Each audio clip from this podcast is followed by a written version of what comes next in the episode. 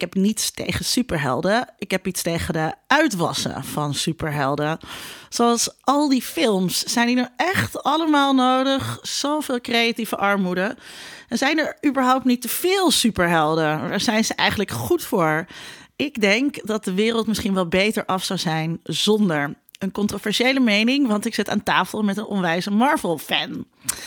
In deze aflevering nemen we de première van Black Panther als aanleiding om eens goed te praten over dat hele cinematic universe van Marvel. Spoilervrij, mocht je daar bang voor zijn. Mijn naam is Linda Duits en dit is Geeky Dingen.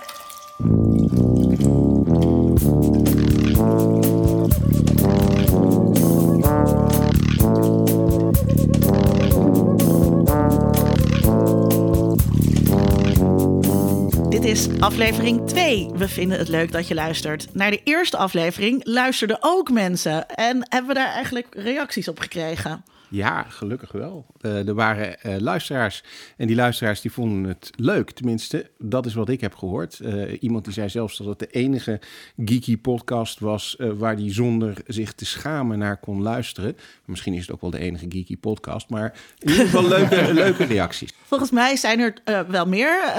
je hoorde net Sydney Smeets. Michael, heb jij reacties gekregen? Ja, van mijn vriendin, die vond het heel leuk. Uh, en, uh, en voor de rest ben ik heel erg druk bezig geweest. Ik heb heel weinig reacties uh, direct gehoord. Echt? Niemand ja. zei iets van, klink je altijd zo gek?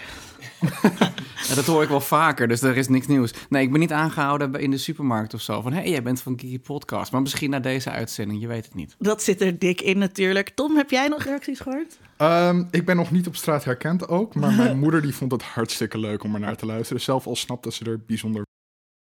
Ja, ik vond, uh, ik, uh, ik, ja, ik vond het, er waren inderdaad wat reacties. Mensen vonden het leuk. Ik vond het vooral ook leuk dat er ook best wel aardig wat mensen hadden geluisterd. Dat is helemaal niet slecht.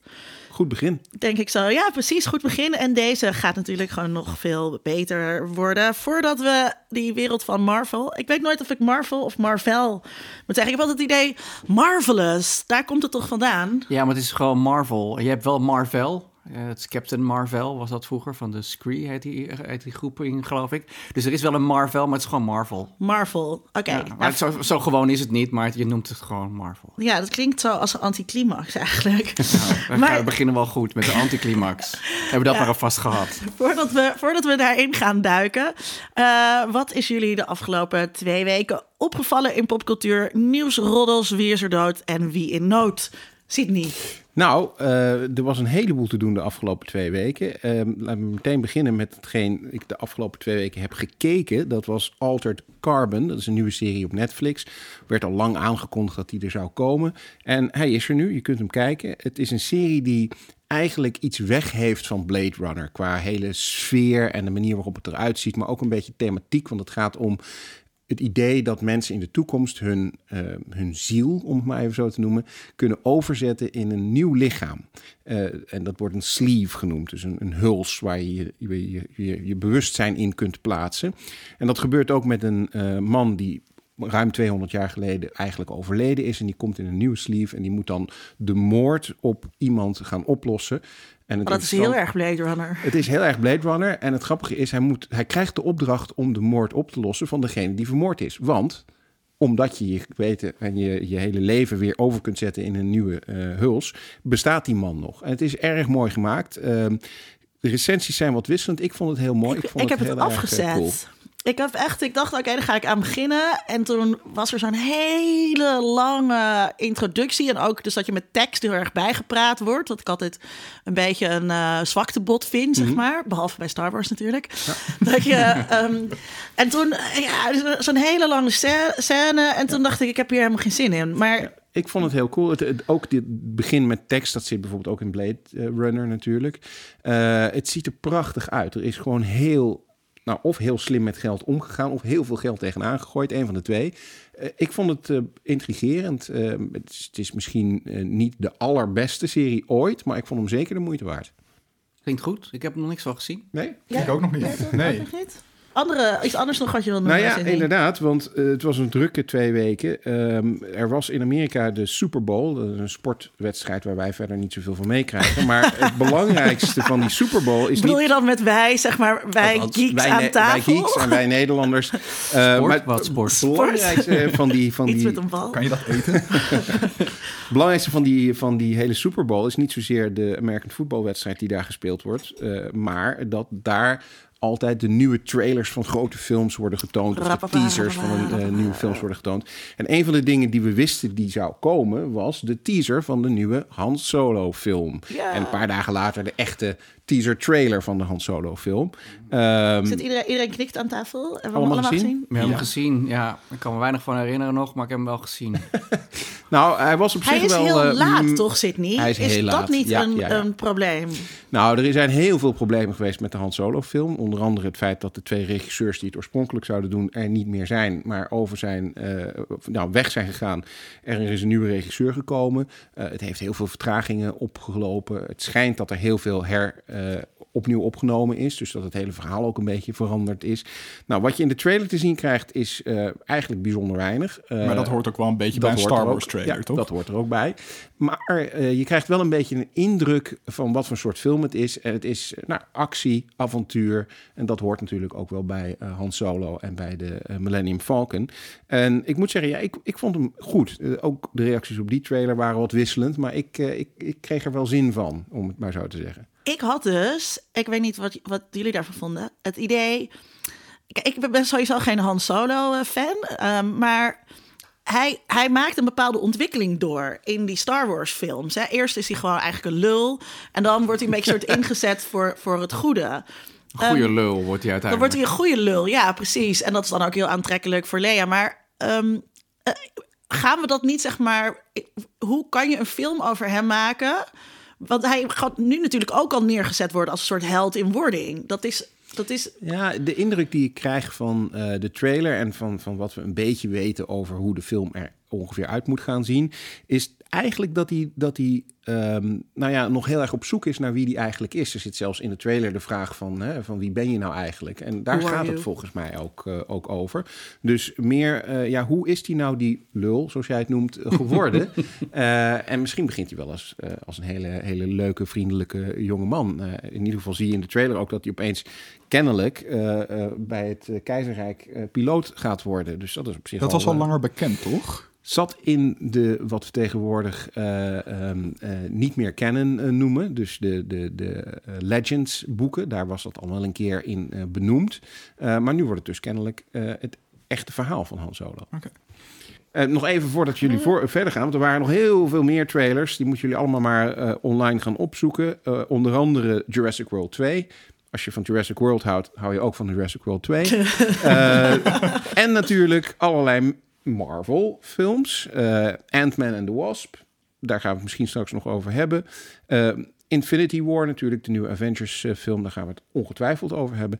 En Venom. En ik denk dat Michael daar misschien nog wel een mening over heeft. Ja, daar heb ik wel een mening over. Ik heb de trailer inderdaad gezien en eh, toen moest iemand me wakker schudden daarna. Ik vond hem echt ruk. Ehm, om het maar even kort te zeggen. Om het subtiel te zeggen. Ja, om het even subtiel te zeggen. Want ehm, nou, je ziet sowieso niet zo heel veel, maar wat er gesuggereerd wordt. Kijk, oké, ik ben een beetje een purist. Dus als er een adaptatie gemaakt wordt, vind ik het fijn als het zo dicht mogelijk bij de brontekst... Vertel even wat Venom is. Want dat Ja, Venom is eigenlijk heel erg verbonden met Spider-Man. En Spider-Man gaat dus ontbreken in deze film. Spider-Man bracht ooit een speciaal kostuum vanuit, het, eh, vanuit de ruimte naar aarde. En dat eh, werd uiteindelijk een symbiont. En dat bleek een levend wezen te zijn wat zijn leven wilde overnemen eigenlijk. Nou, en. Spider-Man tot marionet- marionet wilde maken. En uiteindelijk scheidt hij daarvan. En dat wezen hecht zich dan met een journalist die een hekel heeft aan Spider-Man. Hij heeft ooit een scoop verloren doordat Spider-Man de echte waarheid aan het licht bracht. Heel kort samengevat. Eh, en ehm, ik vind het dus fijn als een origin story een beetje in de buurt zit daarvan. En als ik zo de trailer zie en ik weet, hè, er zijn, je hebt copyright gedoe bij eh, Sony en bij Marvel. En dat gaan we het zo Spider-Man... nog over hebben. Ja, daar gaan we het zo nog over hebben. Maar dus, misschien heeft Spider-Man een cameo. Maar het ziet er uit dat de origin dus helemaal herschreven wordt. En ik denk dan, why the fuck bother? Ja, ik snap dat Sony denkt, we gaan cashen op Spider-Man en zoveel mogelijk. Maar ik heb er dan eigenlijk al geen zin meer in. Sorry. Eigenlijk een overbodige film. Ik, nou, dat, dat is altijd moeilijk te zeggen. Want je moet altijd oppassen met eh, never judge eh, a movie by its trailer. Net zo goed never judge a book by its cover, zeg maar. Dus ik vind dat altijd moeilijk te beoordelen. Maar ik loop hier niet heel erg warm voor. Infinity War daarentegen, toen ik daar de eerste trailer van zag... toen was ik in tranen van estatisch geluk. Ehm, en wat ik dacht, wauw, dit gaat helemaal te gek worden. En ik heb hier nu al zin in. En dat eh, had ik bij Solo dus ook nog niet echt. Maar daar heb ik ook een beetje van... Ik ga wel kijken, wat, ik ben wel benieuwd. Ik ga wel kijken wat het wordt. Als het druk is, hebben we altijd Harrison Ford nog. Ik wil ook nog even terugkomen op zo'n Super Bowl trailer van eh, Westworld. Eh, het tweede seizoen daarvan. Eh, het eerste seizoen vond ik echt heel erg vet. Eh, en ik ben heel Ik was erg ook vandaag, benieuwd. een van mijn studenten zei vandaag dat ze dus ze had haar onderwerp omgegooid. Eh, en toen ging ze het over Westworld doen. Toen was ik ook helemaal excited. Ja, was heel blij. Ja. Ik was eh, afgelopen jaar op eh, San Diego Comic Con en daar was een speciale Westworld Experience. En men, nou ja, sowieso bij San Diego Comic Con wacht iedereen urenlang op van alles. Maar bij Westworld was het echt zo dat mensen de middag eh, daarvoor al in een rij gingen staan om de volgende ochtend om negen uur bij die experience te kunnen zijn. Dus Oh, het heeft wel eh, een behoorlijke following. Ja. En Tom, hoe was die trailer? Ehm, hij was heel erg indrukwekkend. Ik heb begrepen dat ehm, Jonathan Nolan, eh, de regisseur, eh, extra budget heeft gekregen om speciale footage voor die trailer eh, te maken. Dus die trailer is een soort eigen cinematische ding op zich. Met hele indrukwekkende beelden waarin technologie en natuur zeg maar, door elkaar geplaatst worden. Eh, en een paar van de helden uit het eerste seizoen ineens soort van villains lijken te zijn. Zoals Dolores die op een paard moordend door een prachtig landschap heen trekt. Eh, dus ik ben heel benieuwd naar wat daar precies gebeurd is. Cool. Ja. Doesn't Ik look like anything to me. ja. Ik wou even melden dat het vandaag, als wij dit opnemen, dat het heeft voor de luisteraar misschien weinig waarde, maar weinig waarde.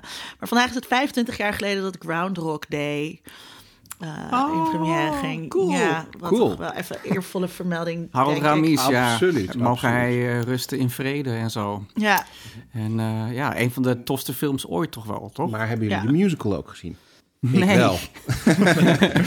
ja, is een denk musical dat dat eh, van. iets Ja. te nachtmerrieachtig voor Hoe mij was het, is. Sydney? Nou ja, die, ik kan je zeggen dat die musical eigenlijk best wel heel erg goed is. Maar de film is beter. Maar hang, die film hangt voor mij zo aan Bill, Bill Murray, Murray, ja. dat het gewoon Ja. Dat, ehm, eh, en wat ik heb gekeken, ik weet niet of dat heel nou goed past voor deze podcast, maar eh, 7 februari is er, heeft Netflix een reboot van Queer Eye for the Straight Ja. Guy Heel gelanceerd. cool.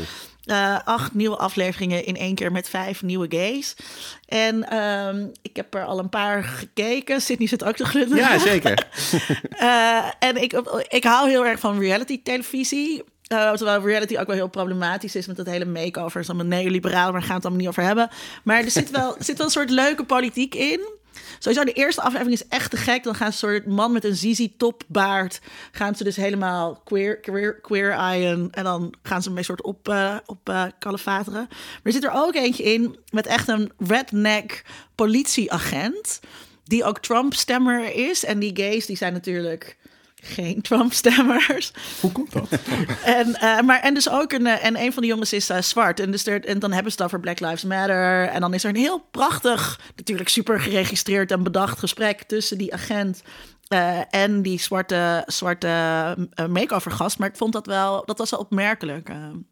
Ja, ik verheug me er wel op. Ik eh begreep dat dit seizoen inderdaad ook wel iets meer zeg maar, diepgang heeft dan alleen maar de makeovers. En dat is wel, eh, nou, dat past wel in onze tijd. En daar ben ik wel heel benieuwd naar. ja, ja. Ehm, Michael, Ja, eh, jij wou is- nog terugkomen op eh, de Princess Diaries. ja, eigenlijk wel. eh, want ik weet dat Sydney hem ook gelezen heeft, dat Klopt, boek. En ik heb ja. natuurlijk vorige week wel mijn mening, of de vorige aflevering mijn mening laten horen. Maar toen zijn we eigenlijk helemaal vergeten te vragen. Sydney, wat vond jij Wat er nou van? vond. Eh, ik vond hem eh, leuk. Ik vond hem niet zo leuk als eh, de eerste eh, die ze geschreven heeft, Wishful Drinking, de titel alleen al. Ehm, en het nou ja, probleem wat dit boek een beetje heeft, is als je eh, Carrie Fisher, als je ooit het geluk hebt gehad om haar in het echt te zien, of in ieder geval als je ooit televisieoptredens van haar hebt gezien, dan heb je heel veel van wat hierin staat wel al een keer gehoord. Of eh, weet je al ongeveer welke grap ze gaat eh, maken. Maar goed, desalniettemin, als je dat allemaal niet hebt, vind ik het een heel erg leuk boek. Oké, ik zat nog wel te denken, wat ik heel jammer vind, is het houdt op Ze vertelt nog op een gegeven moment iets over hè, het fan, eh, hoe het fandom is. Maar ik denk, ja, eh, twee jaar later stonden ze voor Empire weer op de set. En toen hadden Ja. ze die relatie al achter de rug. Hoe de fuck was dat? Nou, dat weet je dus eigenlijk niet, want ze vertelt dat niet. En dat is, vind ik wel nee, jammer. Maar ze heeft daar wel eh, buiten dit boek om natuurlijk het nodige over verteld. Ze heeft Daisy Ridley ooit het advies, het werd gevraagd van, nou ja, als je Daisy Ridley wat advies mocht geven, wat zou je dan zeggen? En dan zei ze van, nou, don't go through the crew like wildfire. Dus met andere woorden, ga niet met iedereen naar bed. Ehm, Wees en- selectief, zeg ja, maar. wees selectief inderdaad. Eh, eh, nou ja, goed, dat was zij niet. Ehm, ze is eh, een hele bijzondere vrouw. En als je haar, dus, haar optredens op televisie ziet, dan komt dat heel duidelijk naar voren. Als je er in het echt zag, was het soms ook wel overduidelijk dat alle drank en drugs heel erg veel sporen achtergelaten hadden. Maar het mooie van haar is wel dat ze dat altijd omarmd heeft. In de zin van dat ze altijd gezegd heeft: Ja, ik heb heel veel drank en drugs gebruikt. En dat is wie ik ben. En daar schaam ik me ook niet, eh, niet voor. Het is jammer dat er geen deel 2 komt. Maar goed, zeg nooit nooit. Want eh, eh, het zou zomaar kunnen dat haar memoires nog ergens gevonden worden. En dat we alsnog een, nieuwe, eh, een nieuw deel krijgen. Ja, ja, dat zou goed kunnen, ja. ja. Andere nieuwtjes, roddels. Nee, geen roddels per se. Eh, ik ben een boek aan het lezen van Janet Jameson. In het kader van. eh, we hadden het net over Carrie Fisher. Want Janet Jameson is natuurlijk een van de best betaalde porno-actrices eh, ever. Wie kent er niet? Wie kent hem niet? Eh, en het is een hè, echt, dat boek is echt als dat leest als een trein. Het is geschreven als een thriller. En ze, ze heeft het samen titel, met iemand. Ja, ze, daar, Ze leest als- ik weet niet hoe Tieten precies lezen, maar ik denk met een bril. Ehm, maar dat even te zijn. Ze heeft het samen wel met iemand geschreven. En het is, haar leven was geen pretje. Ik ben nu halverwege zo'n beetje. En op, op bladzijde 10 wordt ze al verkracht door de oom van haar vriend. En die doet daar vervolgens niks mee. Het is echt. Het is eigenlijk heel naar. Maar het is ook wel heel boeiend om te lezen hoe ze daar dan weer uit eh rijst. Zeg maar als een soort phoenix uit, eh, uit, uit de as.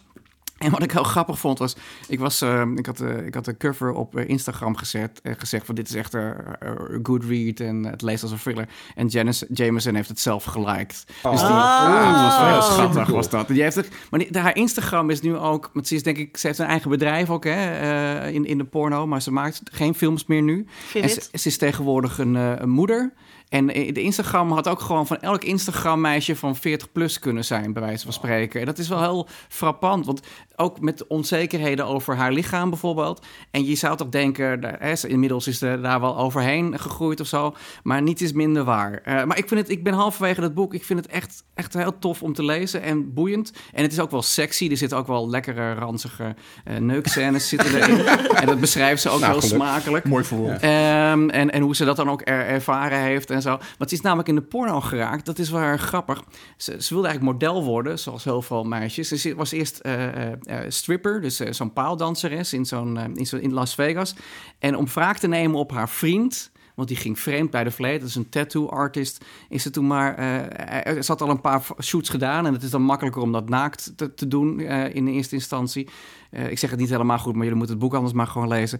En uiteindelijk om wraak te nemen op hem, heeft ze dus de eerste eh, pornofilms is, is ze gaan doen. En eh, dat is echt wel- Andersom wraakporno. ja, ja, eigenlijk wel. En eh, want dat is het, het ergste wat een tattoo artist vertelt zich over, kan overkomen als dus zijn mannelijkheid in twijfel wordt getrokken omdat ze vrouwen met andere vrouwen en met andere mannen het bed deelt op de camera. Dus ehm, ja, Maar Hoe jullie, heet eh, hij heet. God, eh, eh, hoe heet het? Ma- How to Make Love Like a Porn Star, A Cautionary Tale. Hij is in 2004 geloof ik al. Het is echt, het is echt 500 bladzijden. Ja, want dat is toch al, dat klinkt echt niet heel recent. Nee, nee, klopt. En, maar het, Klinkt en heel bekend, ja. Maar de opmaak is heel grappig. Je hebt dus dag, dagboekfragmenten en oude foto's en dat soort dingen. En het is heel speels. Want je hebt ook hele dialogen met haar en haar vader en haar broer. Als je Riverdale hebt gezien en je denkt, that's fucking de- depraved, zeg maar, wat die kinderen allemaal meemaken. you ain't seen nothing yet. Riverdale trouwens ook echt een aanrader. Zit niet wat wij nou ja, ik was nog benieuwd, want er is natuurlijk nog iets anders wat de afgelopen twee weken heeft plaatsgevonden. Jij en Michael. Michael en ik gingen op een Ja, we gingen naar, naar avontuur. We gingen op avontuur in de jungle, zou ik bijna willen zeggen. Wij, Maar, gingen buiten de ring. ja, we gingen In- buiten de jungle. Ja. En we gingen naar Black Panther.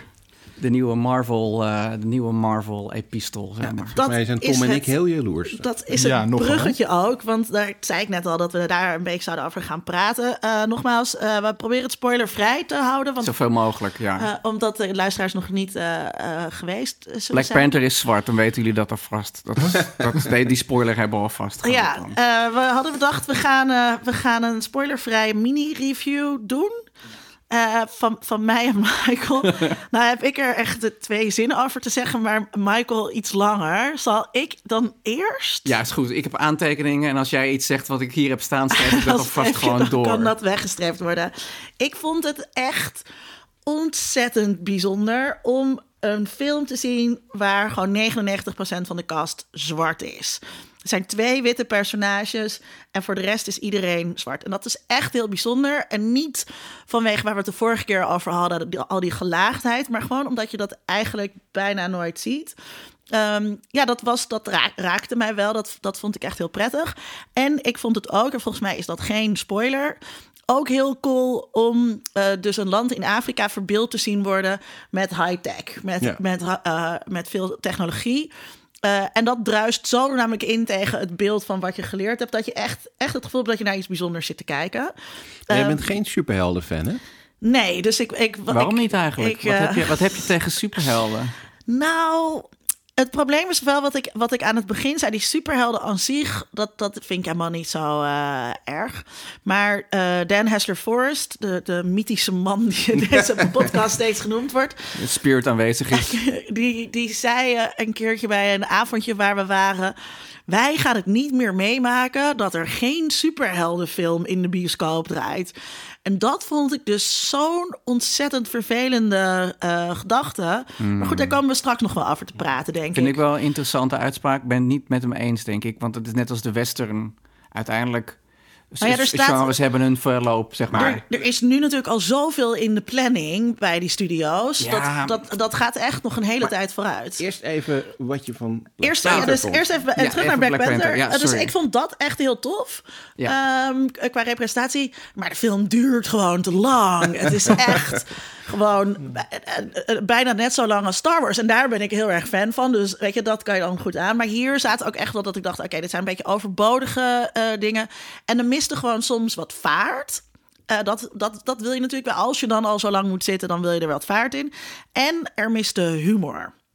Er, er, zit wel, er zitten wel wat dingen in die te, die te lachen zijn. Maar er, zijn ook gewoon best wel veel dingen die zijn, eh, zijn blijven liggen. Ja, nou, er zit wel humor in, maar het is eigenlijk ten koste van de, van de mannelijkheid toch vooral. Dus vooral de vrouwen die dissen Black Panther en die houden hem een beetje kort. Dat idee had ik in de eerste, in de eerste paar scènes, zeg maar. Hè, Black Panther is de koning van Wakanda, of hij wordt de koning van Wakanda. Nou, dat, dat is geen spoiler, want iedereen die Civil War heeft gezien... die snapt als de koning wordt omgelegd dat zijn zoon de volgende wordt. Zo gaat Ja, het met Eh, koningen. zo gaat het met koningen. Hè? eh, dus, ehm, dus behalve dan bij het Huis van Oranje, geloof ik. Maar dat is een heel andere kwestie. Ehm, dus, dus, dus, eh, en hij is een beetje... zou trouwens zeggen 3,5 ster. Ja, van Ja, de ja, vijf. ik, ik zeg drie max. Eh, en eh, ja, dat- Volgens mij zijn dat er nog minder dan je, er- dan je er wou geven toen wij er waren. nee, nee, want ik begon bij 2,5. ja. Dus, eh, Ja. Het gaat langzaam omhoog. het, gaat, nee, het blijft echt wel bij drie. En ik vond hem inderdaad ook te lang. Het is echt een aanslag op je blaas. Maar dat zijn wel meer films tegenwoordig. Eh, ja, maar misschien heeft het met mijn leeftijd te maken. Vroeger had ik daar minder last van. Anyway. ehm, Ik moest plassen, jij niet. nee, oké, maar ja, Ja. Ik, ja, ik ben gewoon heel zen dan. Gewoon. Ja, en ik ben een vrouw, dat maakt ook uit. Sorry. Weet ik niet. Ga je gang, Michael. Maar de grapjes die er dus zijn, zijn eigenlijk ten koste van het feit dat hij hè, een stoere man is eigenlijk. Het is een beetje feministische grapjes, om ze maar even zo te noemen. Dus in het, in het vaatje van eh, Last Jedi misschien wel. Ehm, wat vond ik ervan? Nou, wat je net zei was inderdaad heel interessant. Er worden clichés over Afrika worden omgedraaid. Dus het is het meest geavanceerde land in de wereld, zo'n beetje. En, en alles wat je ziet van de steppen en, en rennende dieren... dat is eigenlijk een holografische projectie. Zo had ik dat een beetje begrepen. Ehm, dus het is allemaal heel technisch. Nou, dat is allemaal leuk. Ehm, er zit, het, ik moest heel erg lachen eigenlijk, want de, de mensen van Disney zeiden... nou, deze film heeft geen politieke boodschap. Oh ja, dat voor, zeggen, ja. voor de, Wat? voordat we gingen zitten. Ja. En, en halverwege was dit echt duidelijk. Kijk, de boodschap is eigenlijk heel simpel. En ik zeg het nu even cru en even Mhm. kort door de bocht. Niet spoilen. Nou ja, het, ik moet een beetje iets erover zeggen en anders knip je het maar uit, Tom. Het, is, ah, het Westen is, heeft het altijd fout gedaan. We hadden veel meer onze rijkdom moeten delen met, eh, met, met, met de derde wereld. Zeg ja, ik maar. zou zeggen dat is een centraal, Dat is het centrale centraal thema. thema. Ja. En, en daarnaast zitten er een paar opmerkingen in die mij erg opvielen. Eh, die, die, dat ik een grap, wel een beetje een dish is naar, naar het blanke publiek, zeg maar. Dus eh, de, de zus van, eh, van Black Panther is eigenlijk een soort Q. Die is ook super intelligent en die heeft een soort werkplaats met allemaal gadgets. Maar was heel erg James Bond-achtige elementen zitten er eigenlijk in deze film. En op een gegeven moment eh, is een van de, van, de, een van de twee blanke mannen die in de film eh, voorkomen, die is gewond geraakt. En dan zegt ze, oh, another white boy to fix. Weet je, dus dat soort steken onder water zitten er wel in. Ook een beetje, denk ik, goed bedoeld met een Ik, la- knipoog. ik las een hele grap daarover op Twitter vandaag. Ik weet niet meer wie het was, gewoon een of andere Amerikaanse account.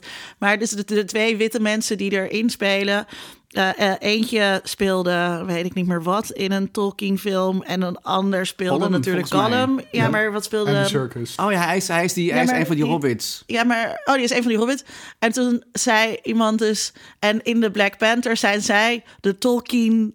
Tolkien, Tolkien, Tolkien whites. whites. Ja, ja, kijk. dat was echt heel goed. Humor. grap. Oké, sorry. Heel goed. Maar het is, het, het, het- ik zat wel te denken, stel dat die grappen die dus eh, naar het ras worden gemaakt, als je dat zou omdraaien. Dus stel dat iemand zegt, oh, nou, a black guy to fix. Eh, en wat dat zit er eigenlijk, dat, dat zit er eigenlijk normaal gesproken, zie je dat niet in dit soort films. Dus dat is heel erg interessant. je, je, je, weet, je weet gewoon nu al dat. eh, nou, ik, ik las nu al een aantal dingen.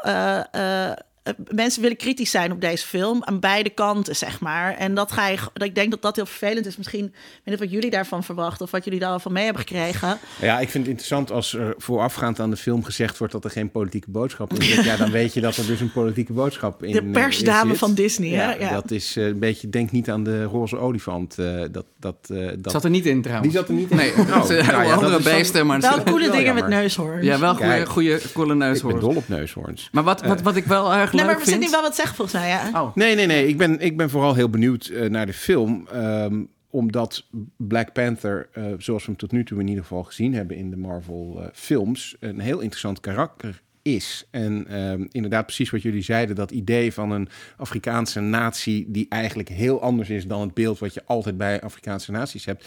En het idee dat het een eigenlijk de dominant eh, gekleurde donkere cast is en eh, ja, blanke mensen of witte mensen, hoe je het wil noemen, Witte mensen. in dit geval eh, de, de minderheid vormen. Dat vind ik, vind ik eigenlijk bijzonder interessant.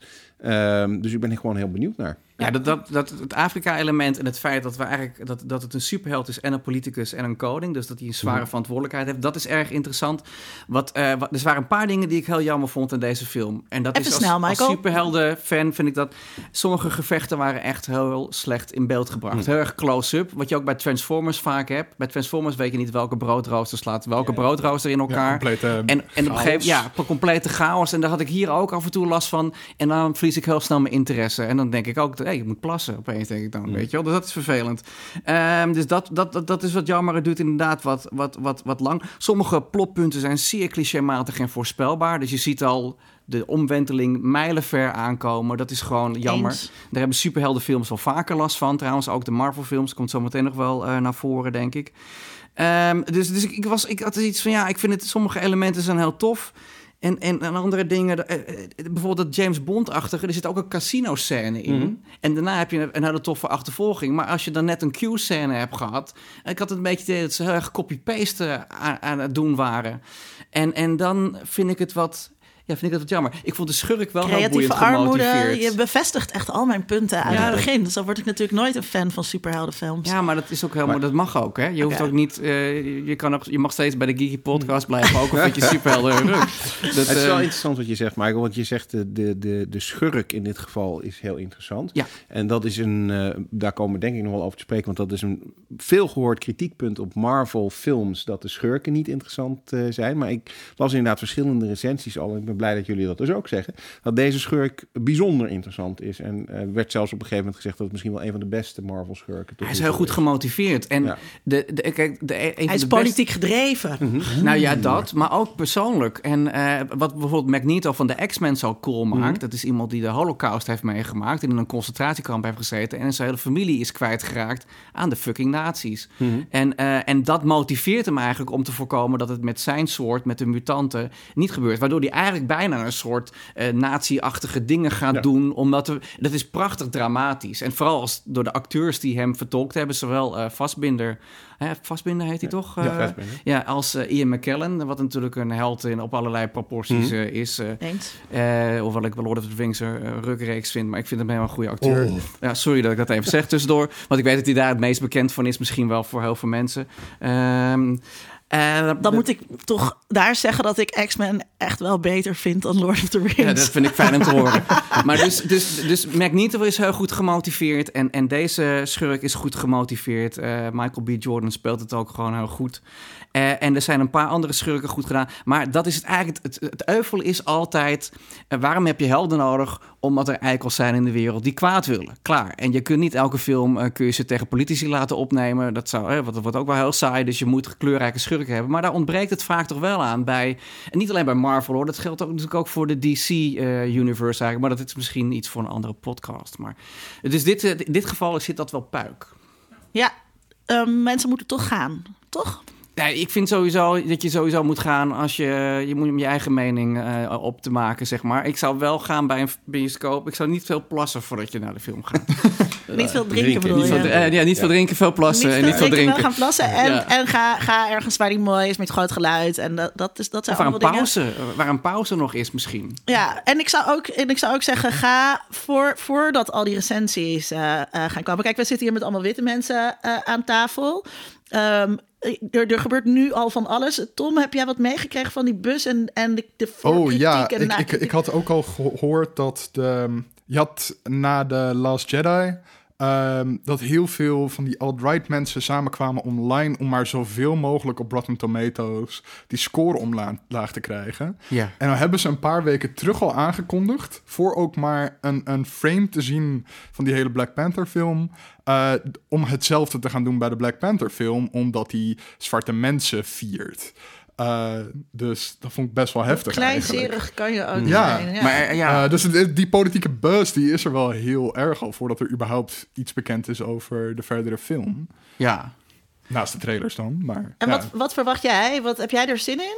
ik heb er wel zin in. Ehm, ja, ik ben heel erg benieuwd. Eh, en ik wil ook gaan kijken, want je hebt nu bij de Pathé de Munt heb je zo'n 4D-ervaring. En Black Nee. Panther is een van die eerste films die eraan meedoet. Dat je dan Je echt... moet, Eh, je moet dit niet, zeg maar, daar moet je niet heen gaan, want dan blijven dit soort, blijven dit soort onzin. Ik wil gewoon weten wat dat is. Ik heb geen flauw idee wat ik me daarbij voor moet stellen. als, als die neushoorns voorbij komen, ga je dat helemaal voelen. In Oh, dan, dan, dan gaan de stoelen op Ja, en neer. ja, misschien Oh. moeten we even uitleggen wat het dan precies is. Nee, is iedereen weet dat wel. Ja, nee, ik, je dat wel? Ik, ik weet dus Weet- niet precies hoe dat is om daarin te zitten. Ik heb nog nooit in een bewegende bioscoopstoel gezeten. Maar dan moeten we eigenlijk gewoon volgende podcast aan jou vragen hoe het was. Dat gaan Ja. we volgende podcast eh, doen. S- Cindy, wat heb jij meegekregen van de bus en de, en de verwachtingen? Nou, ik heb er vooral heel veel positieve dingen eh, over meegekregen. Ik was op zich verbaasd dat jullie niet zo eh, heel positief waren als de meeste eh, recensies die ik althans tot nu toe heb gelezen. Spoiler-free recensies.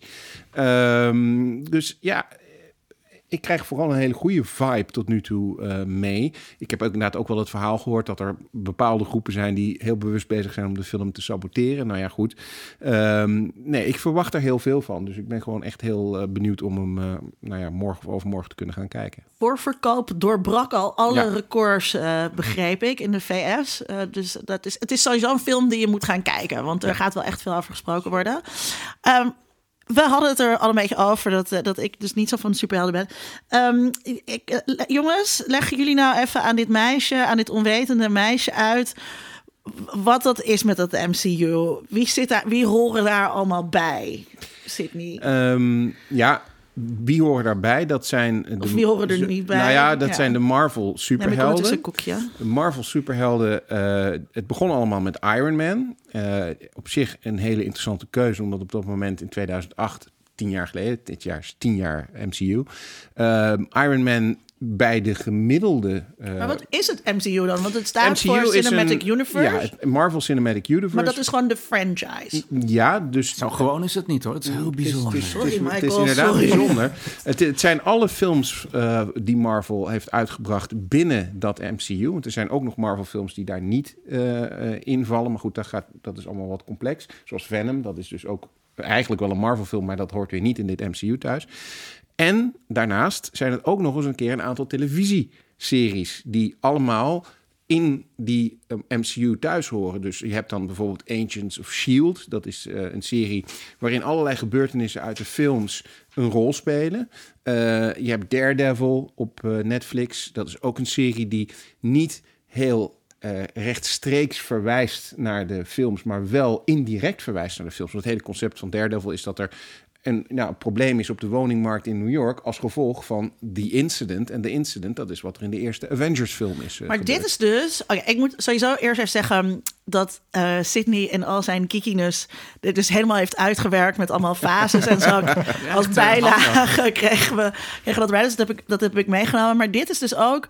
Dit maakt het dus voor buitenstaanders dat je denkt... oh, maar moet ik dit niet allemaal weten voordat ik zo'n film ga kijken? Waar kan je instappen? Nou, dat is wel interessant om dat, om, om dat punt even aan te grijpen eh, eh, voor Michael. Want wat ik heb vroeger die Marvel Comics eh, ook gelezen en verzameld. Voor mij was het instappunt, of herinstappunt eigenlijk Civil War. Dat is een serie van allerlei Marvel Comics die uiteindelijk dan gedeeltelijk in de film ook terecht zijn gekomen. En wat het mooie, maar ook heel frustrerende aan de Marvel Comics is, eh, is dat je eigenlijk bij iedere comic halverwege een verhaal instapt. En het einde van de comic is niet het einde van het verhaal, maar is ook weer halverwege. En ze grijpen allemaal in elkaar. Dus je moet eigenlijk tien verschillende comicseries lezen om het hele verhaal te kunnen volgen. Nou, dat is precies wat ze met MCU ook doen. Dus ik ben heel benieuwd wat jij daar, eh, wat jouw gedachten Misschien, over zijn. misschien kan je eerst, kunnen jullie eerst vertellen voordat ik Michael weer het woord geef. Niks ten nadele van jou, Michael. Maar De eh, Marvel ik- expert. ik- ik- ik- kan je zeggen, wat, wat, wat, ja, wat was jouw instapmoment, Tom? Mijn instapmoment überhaupt in Marvel eh, was de eerste Iron Man film. Eh, dus echt het begin van de Marvel Cinematic Universe. Eh, en ik, ik ken Marvel ook eigenlijk op een paar comics na die ik gelezen heb... alleen van de Marvel Cinematic Universe en de aanverwante series. Ehm, en eh, daar ben ik eigenlijk soort van half mee opgegroeid. De eerste film kwam uit toen ik 14 was. In 2008. Ja, ehm, ja uh, d- dus dat is eigenlijk mijn hele puberteit is gewoon elke keer naar de bioscoop van... oh mijn god, er is een nieuwe Marvel-film, wat vet. Lucky bastard. En Ja. wat, vond, je, en wat vond je dan zo vet eraan? Had je niet dat wat Sydney dan net zei van ik mis een deel van dit verhaal? Nee, omdat je dus, eh, omdat ik dus met Iron Man die eerste film ben ingestapt, eh, dan mis je geen achtergrondkennis, omdat ze toen echt met een soort clean slate zijn begonnen met er is alleen Iron Man. En vanaf daar hebben ze elke keer nieuwe karakters geïntroduceerd, beetje bij beetje, gewoon aan het einde van de film teasen welke er na komt. Ehm, Ja, voor de duidelijkheid, met de Marvel Cinematic Universe kun je dus inderdaad, of nou ja, jij hebt het geluk gehad dat je toen je 14 was meteen bent begonnen. Daar kun je inderdaad redelijk goed, eh, goed inkomen. Eh, het was meer wat ik bedoelde bij de comics. Hè. Die comics die bestaan al eh, nou ja, 100 jaar. Korter, Michael zal er straks nog wel op ingaan. Best lang, maar ja. dat is inderdaad wel, als je in de comics wil beginnen, dan heb je echt op het moment dat je de eerste gaat lezen, wel het gevoel van ik mis nu echt heel erg veel. Ja, Maar dat heb je nu bij de films, denk ik ook. Want daar wil ik het ook nog over hebben. Ik dat... had dat trouwens niet bij Black Panther. Oké. Nee, maar dat is dan de kracht Nee, van je appel. gewoon prima. dit, eh, Ja. Ehm, het, komt omdat er heel weinig werd verwezen ook naar de andere films waar. Black Panther. Ja. Het is echt Ja. standalone. Ehm, maar dat is met de meest recente Marvel-films, Thor Ragnarok en Spider-Man Homecoming eh, dan. Daar wordt voor het eerst, had ik het idee, op een soort vrij natuurlijke manier verwezen naar andere films binnen de Marvel Cinematic Universe. Dat, in het verleden was dat soms nogal geforceerd. In Civil War zit er bijvoorbeeld een scène waarin Thor een of ander half vaag visioen heeft, wat dan een teaser moet zijn voor Thor Ragnarok. En dat voelde dan best wel geforceerd. Uh, maar in Thor Ragnarok heb je dan ineens Doctor Strange zitten, je hebt de Hulk erin zitten.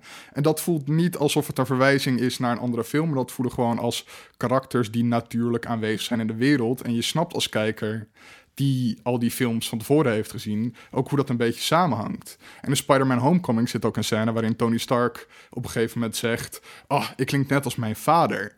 En dan weet je als kijker van alle vorige films van... oh ja, want hij heeft een moeilijke relatie met zijn vader. In Civil War heeft hij net gehoord hoe zijn vader dood is gegaan. Dus dat, dat valt allemaal mooi op zijn plek. En dat is een manier van verhalen vertellen die eigenlijk buiten de Marvel Cinematic Universe niet echt kan in speelfilms. Ze noemen Maar wel, dat... oh, sorry, nou, het is, is- dat, dat, daar zijn hele mooie essays geschreven over de Marvel Cinematic Universe. En een van de dingen is precies wat Tom eh, noemt.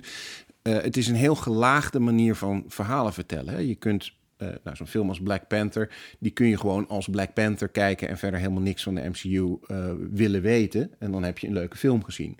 Als je wel iets van de MCU eh, weet, dan krijg je al meteen een laag erbij. Want dan weet je dat Captain America en de Winter Soldier, dat die in Wakanda zijn en dat daar dus een achtergrond bij zit. Nou, dan heb je nog veel meer lagen die je erin kunt bouwen. En ik denk dat een goede Marvel-film, er zijn misschien ook wel voorbeelden van slechte, gaan we misschien nog over hebben. Maar een goede Marvel-film is een film waarbij je het verhaal kunt volgen en kunt kijken zonder het hele MCU gezien te hebben. Maar waarbij je een enorme gevoel van gewaardeerd worden als kijker krijgt als je de rest wel gezien hebt. Want dan denk je, oh ja, maar ik weet wat hier verder achter zit. vorm van, eh, van kapitaal dus, wat je kunt hebben. Cultureel kapitaal, ken- ja. Cultureel kapitaal, ja. Ja. Ehm, we, zouden een kleine mini-collegetje doen. Ja, ik wil nog even teruggaan op wat Sydney net zei over de strips zijn tegenwoordig veel moeilijker te volgen dan pakweg 30 jaar geleden. De events zijn begonnen in de jaren 80 bij Marvel. En vroeger was het eh, één keer in de zoveel tijd een groot event waarbij alle series overlappen. En dat is nu schering en inslag geworden. Waarbij je inderdaad tientallen series moet volgen om het hele verhaal te snappen. En dat doen de films beter dan de comics op dit moment. Eh, dat is heel erg droevig. Ja, hoe is het allemaal begonnen? Waarom is het droevig? Omdat het dat mo- moeilijker maakt voor, voor nieuwe kids om erin te stappen. Dat, het maakt, het maakt het lastiger voor je portemonnee om het hele verhaal compleet te krijgen. Want die comics zijn ook niet heel erg goedkoop. Dus dat is gewoon heel erg lastig. En het is niet heel erg lezersvriendelijk. Je had een tijd lang de, een goede editors-in-chief, dus hoofdredacteuren die dat goed in de gaten hielden. En die zorgden ervoor. Kijk, het adago van, eh, van, eh, van, van Stan Lee, de, de oervader van Marvel, die zei altijd.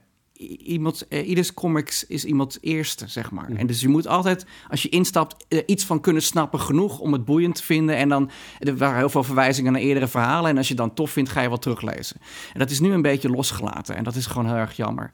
Het is inderdaad begonnen met Stan Lee in eh, 1961. Met Stan Lee en Jack Kirby, moet ik zeggen, de tekenaar.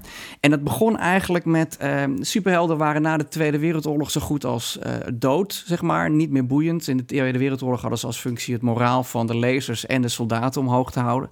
Captain America slaat Hitler op zijn kanus. Op de eerste comic, op de voorkant. Het, ehm, de, eerste Captain America comic. Dus. En toen na de Tweede Wereldoorlog hadden mensen interesses in andere dingen dan in eh, oorlog voeren en dat soort zaken.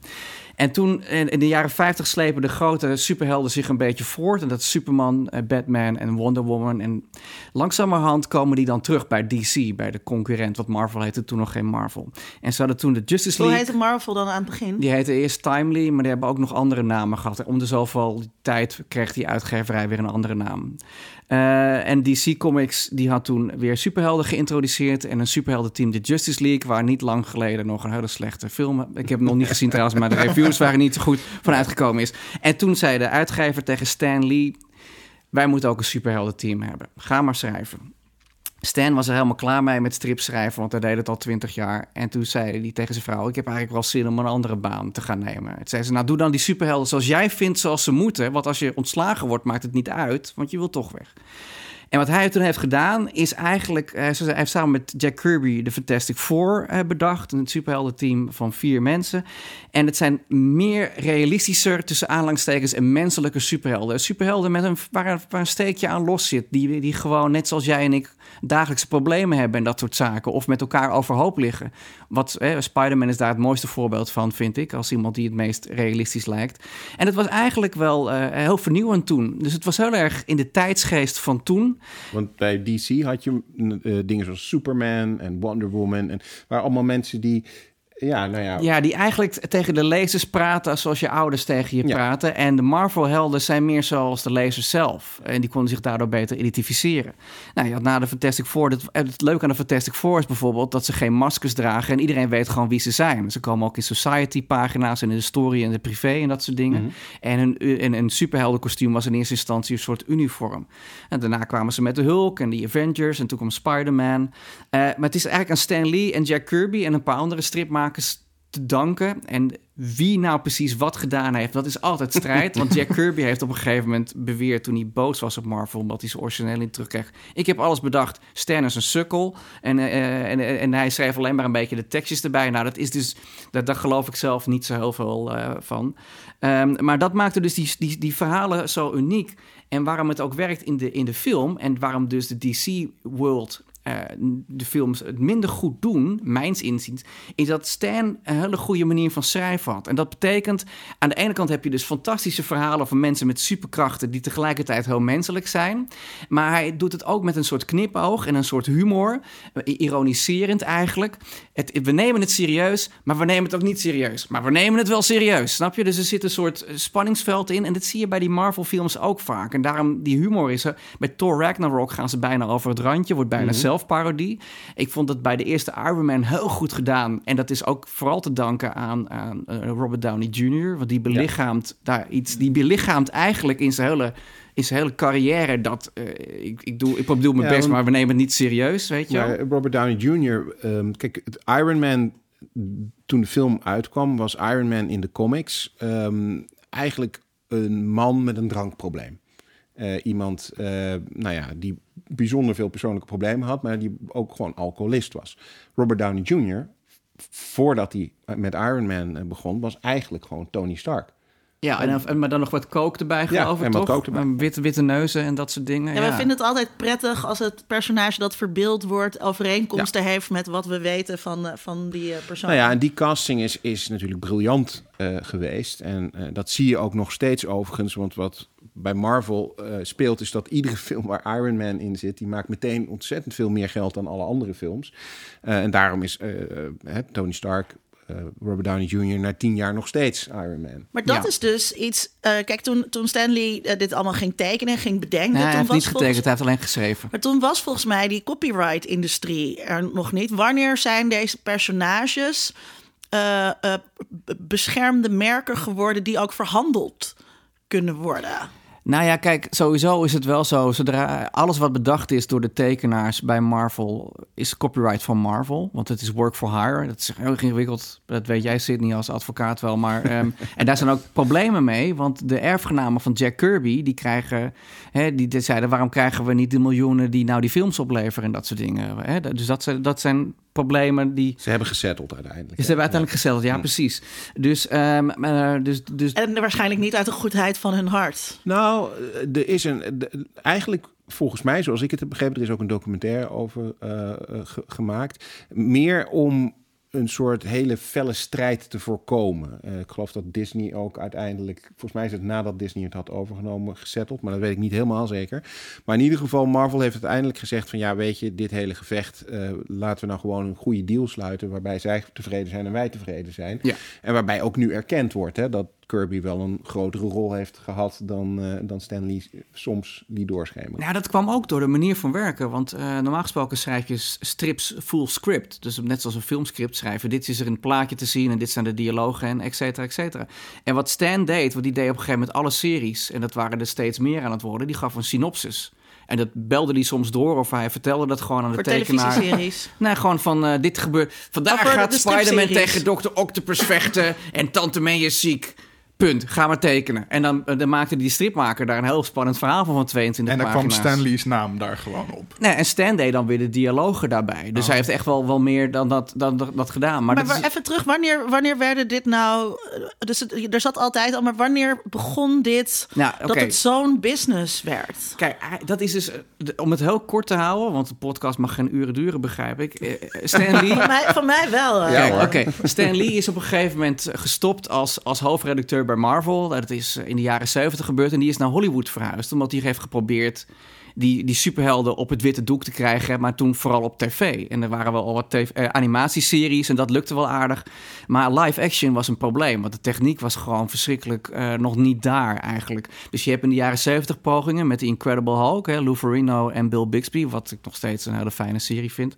En eh, een kortlopende Spider-Man-serie. Ik vond het juist dus allemaal dat heb je dat niet dat, dat misschien gewoon omdat ik zo oud ben dat ja je keek dat en en er is gewoon is dat suspension of disbelief dat je gewoon je gaat erin mee je gaat er gewoon en in ook al mee. is het knullig ga je er gewoon in mee want het is tof om te bedenken dat het zo zou kunnen gaan weet je wel Ja, plus dat er altijd human interest verhalen waren. Dus de, de, de, er waren niet zoveel superschurken, maar het ging meer over hè, me- huiselijk geweld bijvoorbeeld, waar die dan mee te maken Het had. budget Of, was eh, er niet, hè? dus je kon, je kon natuurlijk geen echte hele grote special effects in dat soort series eh, doen. Dus dan maak je verhalen waarbij die effects niet zo Ja, belangrijk precies. zijn. En wij waren klein, dus je, je, je kan daar makkelijk over mee fantaseren. Ja, tuurlijk. Dat vind ik nog steeds ook met games, zeg maar. Dat, weet je, games van nu kunnen ontzettend filmisch en gelikt zijn.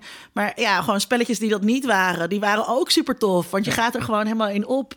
Wat wel heel over tof gesproken, wat wel tof is aan het MCU, vind ik, dat die series die er toen waren, maar ook bijvoorbeeld de animatieseries die er toen waren, hè, van Sp- Spider-Man, Spider-Man, Ja, ja. dat zit ook in het MCU. Die er worden altijd, eh, er is respect voor. Die Lou Ferrigno, of of nee, Ja. die zit in eh, De de Hulkfilms. Ja. Althans, in de eerste Hulkfilm zit hij in ieder Ja. geval. En ehm, Spider-Man, dat thema, dat komt terug. Het thema van de Iron Man eh, eh, cartoon, dat zit in de eerste Iron Man film eh, tien keer of zo. Dus ze, ze, ze hebben ook een soort van respect voor hun eigen eh, geschiedenis. wel. Als ik het goed begrijp, is er verschil toch tussen welke, welke helden gebruikt mogen worden in bepaalde series. En de helden die gebruikt mogen worden in bepaalde films. Ja. En sommige helden Ja. die met elkaar in strips zitten, mogen niet met elkaar in een film. Wat wij, wat wij zeggen? Oh, nee, ik kan niks zeggen. Oh, sorry, ja? Nee, dat, dat klopt. Maar eh, jij vroeg net hoe is het gegaan met die Ja. properties. Stan die heeft op een gegeven moment dus... Ze hebben heel goedkoop de rechten vaak verkocht in de jaren 80 aan Canon en andere filmmaatschappijen die gewoon geen breed budget hadden. Dus je hebt in de jaren 90, begin jaren 90 een Punisher film gehad en een Captain America film. De Punisher Dolph Lundgren. Nou, dit kent iedereen Oh, wel ja, van Expendables of van Rocky. Eh, en die Nee, films... van de Punisher ken ik. Oh, kijk, goed zo. maar die, dat lijkt helemaal... Het is best een toffe film. Met Jeroen Krabbe als schurk voor of, of all people. Maar het is niet, het is niet de, Punisher uit de strip. En eigenlijk, want we hadden het net over de MCU bestaat tien jaar. Maar eigenlijk is het aan, aan mensen zoals ehm, de, de regisseurs van Blade. Daar is het eigenlijk al mee begonnen. En toen kreeg je de X-Men films van Bryan Singer. En toen Spider-Man. Die hebben eigenlijk de voedingsbodem voor wat nu de MCU is. Eigenlijk is dat Ja, de, de denk- Pokon, zeg maar, geweest om waar het op gegroeid is. Ja, ik denk met name natuurlijk de eerste X-Men film van Brian eh, Singer. Ja. Kijk, Blade was er wel, maar Blade... ehm, zijn trouwens nog, je kunt, het is een superheld op zich, maar er werd niet echt als een superheldenfilm meteen gezien. Nee, het was, het meer een soort horror, sci-fi ding. Ja. Maar X-Men natuurlijk wel. En dat was een enorm succes en ook heel erg goed gedaan. Eh, misschien de tweede film nog wel beter dan de, dan de eerste En de film. derde film nog minder. En de derde inderdaad minder. En Spider-Man. Want Spider-Man, eh, dat was ook eh, eh, nou ja, gewoon enorm succes en enorm goed gedaan. Eh, Ja. Ja. En ja, die films hebben zeker de weg bereid voor wat je nu aan super. Maar dat is dus niet MCU. Nee, dat is niet MCU, omdat de rechten van eh, Spider-Man die zijn in handen van eh, Sony. En de rechten van de X-Men zijn in handen Van van, Fox. Fox maar dus waren misschien in dus handen binnenkort van van Ja, exact. Ja. De, nou ja, sterker nog, er is zelfs discussie of er is zelfs een, een, een, een gesprek gaande tussen eh, Sony en Disney. Dus het zou kunnen dat alle rechten uiteindelijk toch weer bij Disney terechtkomen. Maar het was dus een probleem eh, dat die rechten niet allemaal van alle karakters bij dezelfde filmstudio eh, hoorden.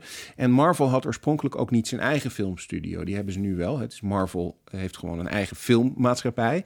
Eh, maar vroeger besteedden ze dat gewoon uit. Ze, ze zeiden van, nou jij mag een Spider-Man film maken, eh, dus maak maar een Spider-Man film. Maar nu is het zo dat Marvel de film in feite maakt. En ja, dat Sony hem uitbrengt of dat Fox hem uitbrengt, dat maakt eigenlijk dan niet zoveel uit. Behalve dan dat je dus in de X-Men films het niet mag hebben over Doctor Strange. En dat je bij eh, Iron Man niet mag praten over Magneto. En dan krijg je dus dat bijvoorbeeld in eh, de Avengers Age of Ultron... dat daar dan eh, de zoon van Magneto, althans, en de dochter van Magneto dit in is, toch, zitten. dit is toch, want ik weet dit natuurlijk wel een beetje, daarom zit ik er zo op. Dit is toch gewoon, laat toch zien ja, het is een ontzettend kapitalistisch systeem, maar het is ook absurd.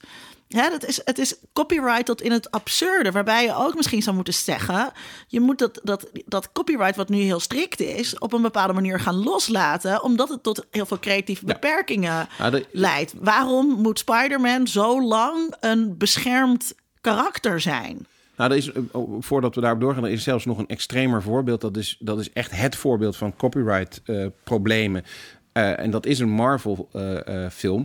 en dat is de Fantastic Four. Dus niet de Fantastic Four die we allemaal in de bioscoop hebben gezien, maar degene die net daarvoor is gemaakt. Nou, dat is een film die niemand heeft gezien. De Roger omdat die- Corman versie bedoel je? Ja, want dat is een film die alleen maar is gemaakt Oh, omdat ja, daar ze heb ik hem over gelezen. Ja, ja. moesten maken. Omdat als ze hem niet zouden maken, dan zouden de rechten verlopen.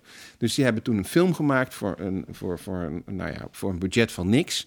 Een film die ook helemaal nergens op slaat. Althans, eh, nou ja, goed. Ik heb me er wel mee vermaakt, maar Exact. om andere Ja. redenen denk ik dan Ja. de bedoeling was. En die film is dus echt alleen gemaakt om dat copyright vei- veilig te stellen. Hij is niet eens officieel uitgebracht.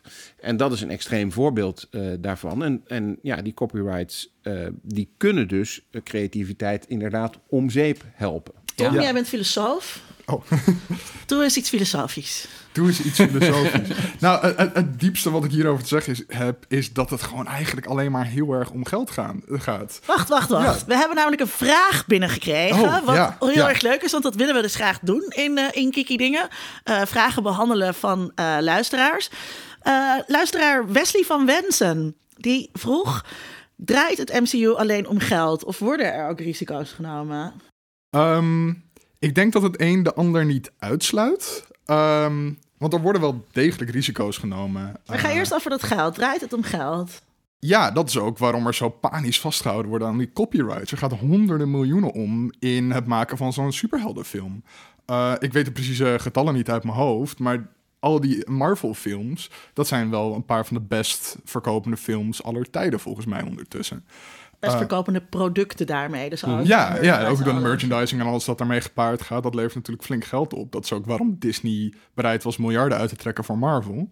Ehm, maar er worden wel risico's genomen eigenlijk. Eh, bijvoorbeeld, nu ben ik zijn naam kwijt, de regisseur van Guardians of the Galaxy, James Gunn. Gun, ja. Ja, ehm, had voor Guardians of the Galaxy eigenlijk niet zo heel veel eh, grote bekende credits op zijn naam staan. Het was een beetje een eigenzinnige filmmaker die in hele obscure films eh, eh, werkt als producer en als regisseur en als acteur. Ehm, en Marvel had zoiets van, ja, tuurlijk, we geven jou echt bakken met geld om een gigantische sci-fi blockbuster te maken. Ehm, dus dat is best wel een risico en met best wel wat resultaat ook voor Disney eh, en Marvel. Michael, wat is jouw antwoord aan Wesley van Wensen? Dra- draait het alleen om het geld of worden er ook risico's genomen? Alle filmsmakers, eh, alle filmstudio's doen het alleen voor het geld. Maar alleen echt voor het geld? Zit Nou er ja, niet ook gewoon een soort Nee, nee, liefde voor die karakters De, bij? mens, de aandeelhouders willen geld zien. Dat is punt één. En, eh, en er worden al sinds, sinds de jaren, e- eind jaren 60 worden er al filmmaatschappijen gekocht door, weet ik veel, eh, tandenborstelmakers en weet ik het allemaal wat voor bedrijven. En olie, oliemaatschappijen en dat soort shit. Eh, maar de, de, de creatieve kracht, de, de regisseur en de scenaristen en de acteurs, die willen natuurlijk echt wel een goed verhaal vertellen. En wat, je heel erg grappig, wat heel erg grappig is, is dat het een heel frustrerende spagaat is vaak.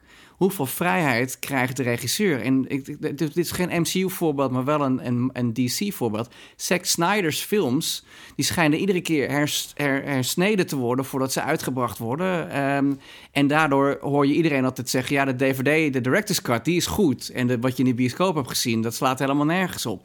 Dus er is gewoon een heel interessant en vervelend spanningsveld tussen kapitalisme en creativiteit, zoals bijna alles. En eh, uitmelking van de nu, in de fans, wat daar, wat daar heel erg bij zit. Sydney, eh, ik ga jou niet vragen hoeveel procent van jouw besteedbaar inkomen eh jij uitgeeft Nou ja, je ziet aan, alle kiki dingen die ik hier om me heen zie. Hey, Ja. Darth Vader.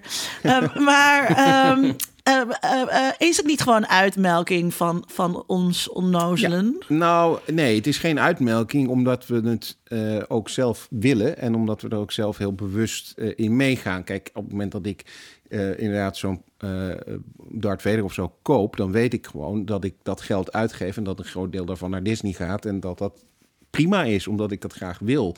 Hetzelfde geldt met de Marvel films. Eh, ik bedoel, je gaat naar die films omdat je ze leuk vindt en omdat je ze in, uh, graag wil zien.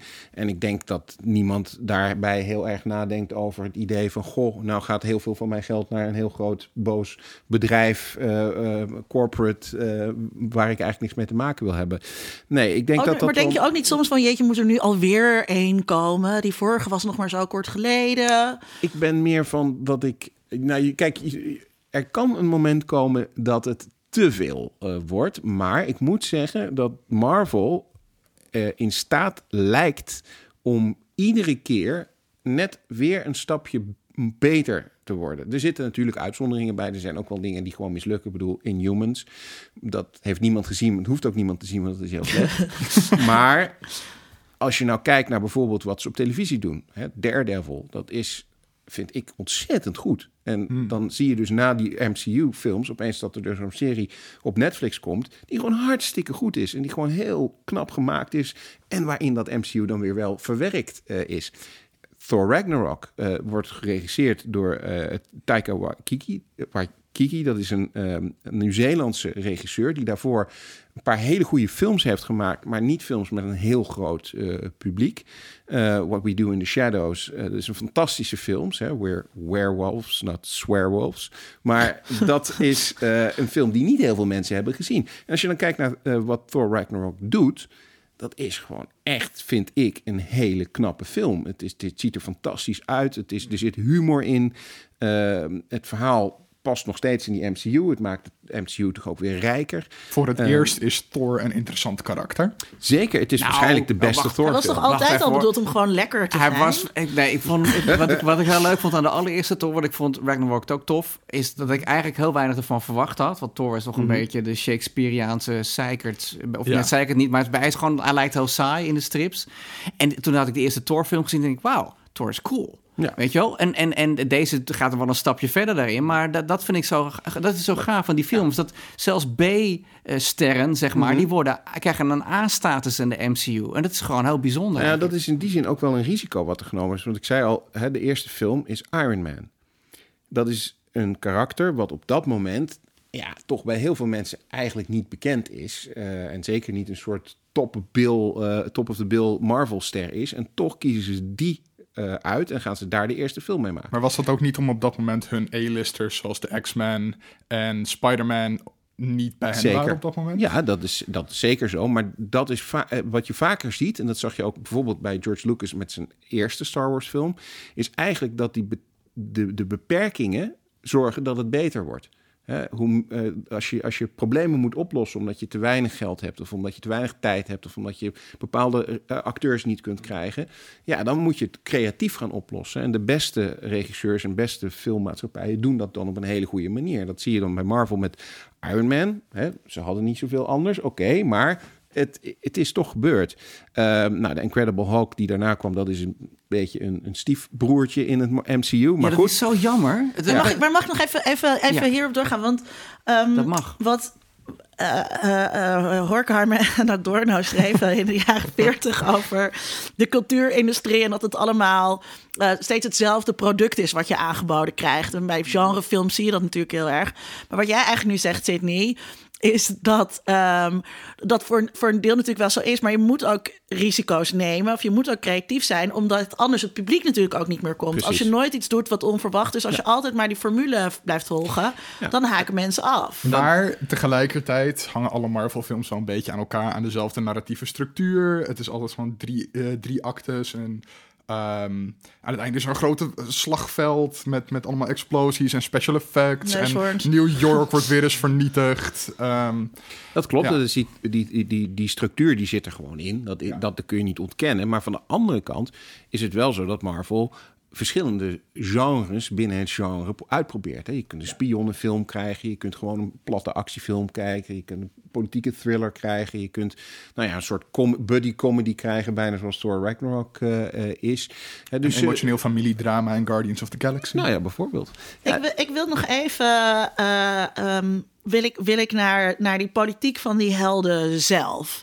Dat, um, dat, jij hebt het daar ook over in je boek, Michael als je dan gaat kijken, hè, wat, wat doet Spider-Man nou eigenlijk voor de wereld? Dan ja, blijft het eigenlijk toch gewoon bij uh, diefstal tegenhouden. Uh, terwijl je ook zou kunnen zeggen, hij, ga, hij gaat zich inzetten om armoede de wereld uit te helpen. Ja. Of om, om, om, om de HIV-epidemie te stoppen. of om, om iets te doen wat echt politiek goed is. In plaats van dat het zo heel klein blijft binnen eigenlijk ja, dat wat je, wat je zeg maar het neoliberalisme zou kunnen noemen. De status quo wordt nooit aangetast. Hè? De machthebbers blijven altijd machthebbers. Is wat Dan zegt in zijn boek eigenlijk. In, uh, in zijn boek over superheldenfilms. Precies. Waar, waar, uh, volgens mij is dat Dan's uh, proefschrift. Wat over superhelden gaat en die politiek daarvan. Ja. Ik heb met Dan daarover gesproken. Je hebt erover geschreven. Wat vind jij? Is het, zijn het niet gewoon beschermers, guardians of the status quo in plaats van de galaxy? Nou ja, kijk, je hebt natuurlijk met Superman heb je een probleem. Superman is zo almachtig, die kan in de eerste film de tijd terugdraaien... doordat hij uh, tegen de aarde invliegt, zeg maar, tegen de draaien richting van de aarde. En daardoor verandert de tijd, gaat terug en weet ik het allemaal. Holocaust voorkomen. Nou ja, van alles. Ja, dat doet hij dan en, net weer niet. Dat, nee, dat, zover gaat hij dan weer niet terug, want hij moet alleen maar Lois Lane redden. Dus dat is, dat is, dat is bespottelijk, zeg maar. Dat je, dat je, weet je, dat je wel, man, wel het nou? leven van een, een of ander mokkel waar, waar jij DC, ook zegt, over hebt gezegd over Lois Lane... dat ze sowieso stom is omdat ze elke film gered moet worden. Tuurlijk. Terwijl Mary Jane ook gewoon uh, zelf uh, wat boontjes kan doppen. Ja, nee, kijk, dat is... Dat is, de, dat is de maar had Superman dat niet moeten doen? Ja, dat, aan de ene kant kan je dus zeggen... ja, want hij is almachtig. Maar mijn antwoord eigenlijk op jouw vraag is... waar begin je? Want voordat je het weet, wordt hij een soort uh, Hitler-achtige figuur... die zijn wil aan ons oplegt, zeg maar. De, de, de Superman, niet Syriaanse Superman, bij wijze van spreken. En, en dan is het einde ook zoek. Uh, er is een film, The Quest for Peace, dat is Superman 4 met Christopher Reeve, waarbij hij alle kernwapens verzamelt die op de aarde zijn. En, um, en dat slingert hij dan de zon in. en, en, en, daar, en ja, dat, dat is dan de oplossing ja. voor het conflict. Maar dat eigenlijk. Um, het enige, kijk, superhelden maken de wereld wel beter door aan ons te laten zien, wat Ad Verbrugge ook tegen mij zei, uh, om hoe je wel kunt leven, hoe je uh, een deugdzaam leven kunt leiden. En het goede voorbeeld geven is eigenlijk Peter Parker is daar een heel mooi voorbeeld van, maar dat geldt ook voor Superman, Batman iets minder. Maar op een heel klein niveau. Nee, op, op, een klein niveau, maar daar begint het mee. Want je kunt ze niet verwachten dat ze de wereld gaan bestieren of gaan veranderen. De verandering zou uiteindelijk. Zo kan je dat niet verwachten. Nou, dat zeg ik net, want dan krijg je een soort uh, dictatorachtige figuur en dat wil je ook niet. Dus maar je kan de, ze dan toch de ook verandering, zeg maar, nee, laten volgen. De, de, de, en... verandering, de verandering vindt plaats in ons en dat doen we doordat we een goed voorbeeld zien in die helden. Dus wij moeten de kleine stapjes nemen om de wereld te verbeteren. En daar zijn ze dus eigenlijk voor. Sydney? Ja, nee, dat, dat ben ik wel met Michael eens. Um, je ziet het tot op zekere hoogte natuurlijk. Michael heeft nu heel triomfantelijk zijn stroopwafel op. Ja. Nee, Zo, ik heb gezegd. Je, je ziet het uh, wel in, uh, in sommige films. Uh, bijvoorbeeld in de X-Men films denk ik dat je kunt zeggen... dat het hele, de hele story arc van Magneto inderdaad is... eigenlijk de geschiedenis herschrijven. Namelijk voorkomen wat er in de Tweede Wereldoorlog... met de Joodse bevolking is gebeurd... dat dat ook gebeurt met de X-Men. nou, voor Brian Singer zelf was het meer een allegorie naar de LHBT-gemeenschap. Dat is dus ook weer het interessante dat je in het verhaal ook een soort reflectie van onze tijd terugziet. En dat zie je bij het MCU wat mij betreft ook wel. Want ja, bijvoorbeeld die films, zeker de Avenger-films en de, de Captain America Civil War... wat eigenlijk natuurlijk ook gewoon een Avengers-film uh, is... Zeker, ja. die gaan in hele belangrijke mate over inmenging van de overheid in ons leven. Uh, het het, het, het, het militair-industrieel complex. Uh, bescherming uh, tegen alles ten koste van je vrijheid. En dan heb je Captain America, waarvan je eigenlijk zou denken in eerste instantie van nou, dat moet toch de grootste voorstander zijn van alles wat daarmee te maken heeft. Maar die neemt een hele andere rol in, want die is er tegen. En dan heb je Tony Stark, hè, de rebelse partyboy, die eigenlijk het soort establishment vertegenwoordigt. Uh, je ziet ook politieke doctrines daarin terugkomen. Dat op een gegeven moment wordt er gezegd van nou, we gaan een, uh, een wapen ontwikkelen dat uh, bedreigingen kan voorkomen voordat ze er überhaupt zijn. Hè, je hebt Ultron, die op een gegeven moment ontwikkeld wordt om een schild eh, om de aarde eh, te vormen en om alle, alle mogelijke bedreigingen tegen te gaan. Nou, dat past heel erg natuurlijk in de, in de strategieën die bijvoorbeeld door eh, de Bush-regering ook werden gevoerd. Hè, van een soort preemptive war eigenlijk alvast gaan voeren om te voorkomen dat een bedreiging ooit echt kan uitgroeien. Dus er zitten, ja, nogmaals, ik wil niet zeggen dat die films nou tot doel hebben om een hele diepe politieke analyse van onze tijd te zijn, maar het zit er wel in. Dus het is niet alleen maar het handhaven van de status quo. Het is ook uh, een soort reflecteren op hoe het nu eigenlijk in onze maatschappij gaat. Ja, en ik denk dat Black Panther dat ook uh, in nou ja, belangrijke mate wel uh, is. Een reflectie op onze tijd. Wat, wat ik ook heel verfrissend vond, is dat Amerika niet de good guy zo, zomaar Sterker nog, Amerika is, is in de Marvel-films nou, als, je, als je wil zeggen de staat, hè, dus Amerika, is eigenlijk een beetje de bad guy. Shield is in eerste instantie goed, maar blijkt dan toch eigenlijk Hydra te zijn. Dus dat is toch niet helemaal uh, goed. Helemaal kosher, nee. Ja. Wat een shocker dat er stiekem nazi's blijken te zitten in de Amerikaanse overheid. Ja. dat zou je je nu nooit meer kunnen voorstellen. Um, uh, uh, ik denk dat we dit deel gaan, gaan afronden. Maar ben je, nou, ben je nou een beetje, heb je nou een beetje het licht gezien? Ga je nou anders kijken naar die films? Of zeg je nog steeds, ik ga alleen maar Star Wars kijken en die super superhelden bekijken? Nou, het valt me op dat ik dus al veel meer heb gezien dan ik, dan ik bedacht had. Ja. Want wat, ja, en, en dus ook, ik vergeet dan dus ook weer dat ik inderdaad vroeger ook al die series, zeg maar, keek. Want dat was gewoon op tv, dingen waar op tv waren die dus ook gewoon met de Hulk en zo. Dus Um, ja, oké. Als ik dan de vraag zou moeten beantwoorden: is de wereld beter af zonder MCU? Dan zou ik zeggen nee, want ik vind ook, zeg maar, hoe jullie hier aan tafel zitten te glunderen als jullie hierover praten. Dat, dat alleen al is gewoon super tof. Dus het plezier wat mensen daaraan beleven, dat, is, dat maakt het gewoon heel leuk. En ja, weet je wel, kapitalisme is kut, maar dat wisten we ook al wel. Ja, en daar gaat de Marvel Cinematic Universe denk ik ook niks aan veranderen. Nee, sterker nog, ze gaan het alleen maar verergeren. Want we krijgen nog een heleboel films. We krijgen Komt dit echt jaar nog heel veel aan. Dit jaar alleen al natuurlijk Black Panther, uh, Avengers Infinity War deel 1. Want dat wordt een tweedelige uh, film. Uh, Ant-Man and the Wasp. Overigens waarschijnlijk uh, dan toch wel weer voor de feministische agenda met een vrouwelijke superheld. Daarna moet je mij niet we... aankijken, moet je nee, Michael aankijken.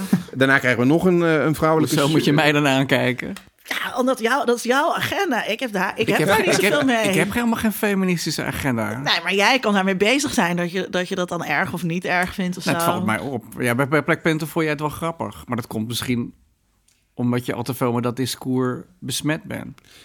En we krijgen zelfs de echte eerste echte uh, complete uh, vrouwelijke superheldenfilm van Captain Marvel. Dat is ook een ja. vrouwelijke superheld.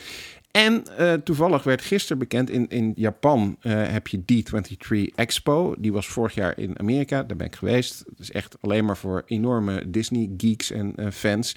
Maar goed, in Japan is dat nu ook. En daar werd de aankondiging gedaan dat Disneyland Parijs een echt Marvel-land krijgt. Dus daar kun je verkleed als superheld in allerlei attracties gaan. Je hebt dat al in Amerika, heb je een, een attractie van Guardians of the Galaxy. Die is fantastisch, kan ik iedereen aanbevelen om dat te gaan doen. Maar binnenkort kan je dat ook in in, in uh, Disneyland Parijs gaan doen. Dus de, uh, het, het geld uit je portemonnee kloppen, dat gaat nog wel even door. Dat is hun superkracht eigenlijk. Ja. Goed gezegd. Hey, laten we even vooruit uh, blikken. Wat, waar verheugen we ons op? Uh, ik ga um, even kijken, donderdag naar The Shape of Water, nieuwe Guillermo del Toro film. Uh, en daar ben ik heel benieuwd naar, want dat vind ik altijd wel heel erg vet. De hele atmosfeer van zijn films, een beetje duistere, viezige, dat vind ik altijd wel heel fijn om te zien. Uh, en ik ben net vandaag begonnen aan uh, Electric Dreams, een serie gebaseerd op allemaal korte verhalen van Philip K. Dick. Uh, en de eerste aflevering daarvan was erg goed, dus ik ga de aankomende week daar waarschijnlijk net te veel tijd aan besteden. En die is net uit, in één keer gedropt? Of, of, ja, volgens mij is hij ergens in januari uitgekomen, maar dat weet ik niet zeker. En die is toen inderdaad in één keer gedropt op of Amazon of Hulu, een van die Amerikaanse streamingplatforms. Of bij een Pirate Bay bij jou in de buurt. Michael, waar kijk jij naar uit? Nou, ik ga... Sydney is het niet eens met deze opmerking. Nou, dat, dat was voor heel voor eigen rekening. Ja, Michael. Ik ga naar Brussel deze week, naar het uh, stripmuseum daar. Daar hebben ze een expositie over Chinese strip. Uh, panorama van de Chinese strip heet het ook. Op zich een goede dekkende titel lijkt me. Maar Chinese uh, strip? Wat, ja, dus nou, wat, wat, wat, wat, wat verstaan we daaronder? En wat wordt er dan precies uitgegeven? Nou, dat ga ik dus zien daar. Is dat een apart genre? Dan? Net als een manga? Of, uh... Nee, maar je moet het. Nee, dat, dat niet per se. Maar het is heel grappig. Zoals ik het nu begrepen heb, je eigenlijk soort twee stromingen. Je hebt dus uh, Chinese strips die heel erg op de Europese strips zijn geënt. En die wat meer. En, en de Chinese strips die meer op de manga zijn. Uh, gebaseerd, zeg maar. Dus ik ben heel benieuwd wat ik daar te zien krijg. En de bedoeling is dus eigenlijk dat je naar buiten loopt met een globaal idee van, oh, zo zit het daar in elkaar. En dat wordt eruit gegeven. Cool. Dus het Stripmuseum in Brussel, het is vanaf uh, de 13e is het open tot en met ergens in september, geloof ik. Dus de moeite, het, sowieso is dat museum echt, als je van strips houdt, de moeite van het kijken waard. We hebben in Nederland een stripmuseum in Groningen, dat is heel aardig. Uh, maar uh, dat in Brussel, dat is eigenlijk een soort paleis, bewijs van spreken, van de strip. En uh, wordt goede exposities, interactie en, en, leuke, leuke decor dingen ook allemaal. Dus ga er zeker een keer kijken. Oké, Sydney. Ja, ik verheug me op een heleboel dingen. Maar een van de dingen die er uh, aan zit te komen is de uh, speciale Blu-ray edition van uh, Blade Runner 2049. ik had het geluk vorig jaar op Comic Con dat ik bij de Blade Runner Experience mocht zijn. Nou, dat is Blade Runner ook zo'n film die veel te lang was trouwens. Nou, daar verschillen de meningen over, denk ik. Want okay. ik vond hem fantastisch. En die experience was ook heel gaaf. En een van de dingen die ze daar hadden was uh, het, de blaster van uh, Deckard. Dat is dus zeg maar zijn pistool waarmee hij de replicants in de eerste film met name neerschiet. En die special edition Blu-ray, dat is uh, een, een, een grote doos. En daar zit een replica van die blaster één op één schaal zit daarbij. Um, dus dat, dat vind ik heel erg uh, cool en geeky dat ik dat uh, besteld heb en binnenkort uh, ga, ga krijgen. En verder gaat er vanaf 23 februari op Netflix nog weer een nieuwe um, serie in première. Dat is Mute. Sorry, een film moet ik eigenlijk zeggen. en dat is interessant omdat het zich afspeelt in Berlijn. het speelt zich af in de toekomst. Het wordt gemaakt door um, dezelfde regisseur Duncan Jones, die ook Moon heeft gemaakt voor hopelijk iedereen bekend. En anders moet je hem zeker onmiddellijk gaan kijken. En het interessante is dat hij heeft gezegd dat dit een spiritual sequel uh, van Moon is. Dus ik ben heel benieuwd uh, ja, waar dat dan uh, op slaat en, en hoe dat eruit gaat, uh, gaat zien. Over films die in première gaan op Netflix gesproken, Netflix gesproken. Wil iemand nog wat zeggen over de Cloverfield Paradox? Ja, ik vond hem veel minder slecht dan de meeste mensen op Rotten Tomatoes. Want de, maar de recensies zijn echt super slecht. En ik las er zelfs eentje die zei dat dit de ondergang van Netflix kan worden. Want omdat je zeg maar vroeger had je straight to video. En dat je nu dan het risico hebt dat het straight to Netflix uh, gaat. ik, ik, moet zeggen dat ik hem ook door de reviews nog niet gekeken heb. Terwijl ik de, de vorige twee films toch wel heel erg goed vond. Ja. Heeft dit met Cloverfield te maken ja. überhaupt? Ja, het idee is dat J.J. Uh, Abrams uh, die heeft Cloverfield gemaakt. En heeft toen het idee opgevat dat een aantal films die al in productie zijn of waren, uh, die eigenlijk helemaal niks met Cloverfield te maken hadden, dat die best wel in dat universum ingevoegd kunnen worden door een klein beetje aan het verhaal te sleutelen. Dat heeft hij met Ten Cloverfield Lane uh, gedaan, nu ook op Netflix te zien. Hele goede film met John Goodman. En nou ja, de Cloverfield Paradox is een iets minder goede film. Dat moeten we gewoon toegeven. Maar is ook weer niet zo heel slecht, vond ik. Oké. Okay. Uh, de Black Panther draait dus vanaf 14 februari. Als je dit hoort, dan uh, draait hij dus waarschijnlijk al. Dit was onze aflevering. We vinden het heel erg leuk als u reageert of een vraag stelt, uh, zoals Wesley ook had gedaan. Dan kunnen we daar in de volgende aflevering over praten. De volgende aflevering gaan we het hebben over Star Trek Discovery. Dus dan weet je dat vast als je daar iets over wilt zeggen of mededelen. laat het ons weten. Dat kan via Twitter, geekydingen, via mail, geekydingen.nl geeky, via mail geekydingen@gmail.com of via Facebook. En op Facebook delen we trouwens regelmatig ook andere geeky dingen. We vinden het nog leuker als je een review achterlaat op iTunes, want dan kunnen nieuwe luisteraars ons sneller vinden. Dank Sydney, Michael en Tom, maar vooral dank aan jou, lieve luisteraar. We zijn er dus over twee weken weer. En dan gaan we het hebben over Star Trek als basis voor een goed geeky gesprek. Heel graag, tot dan!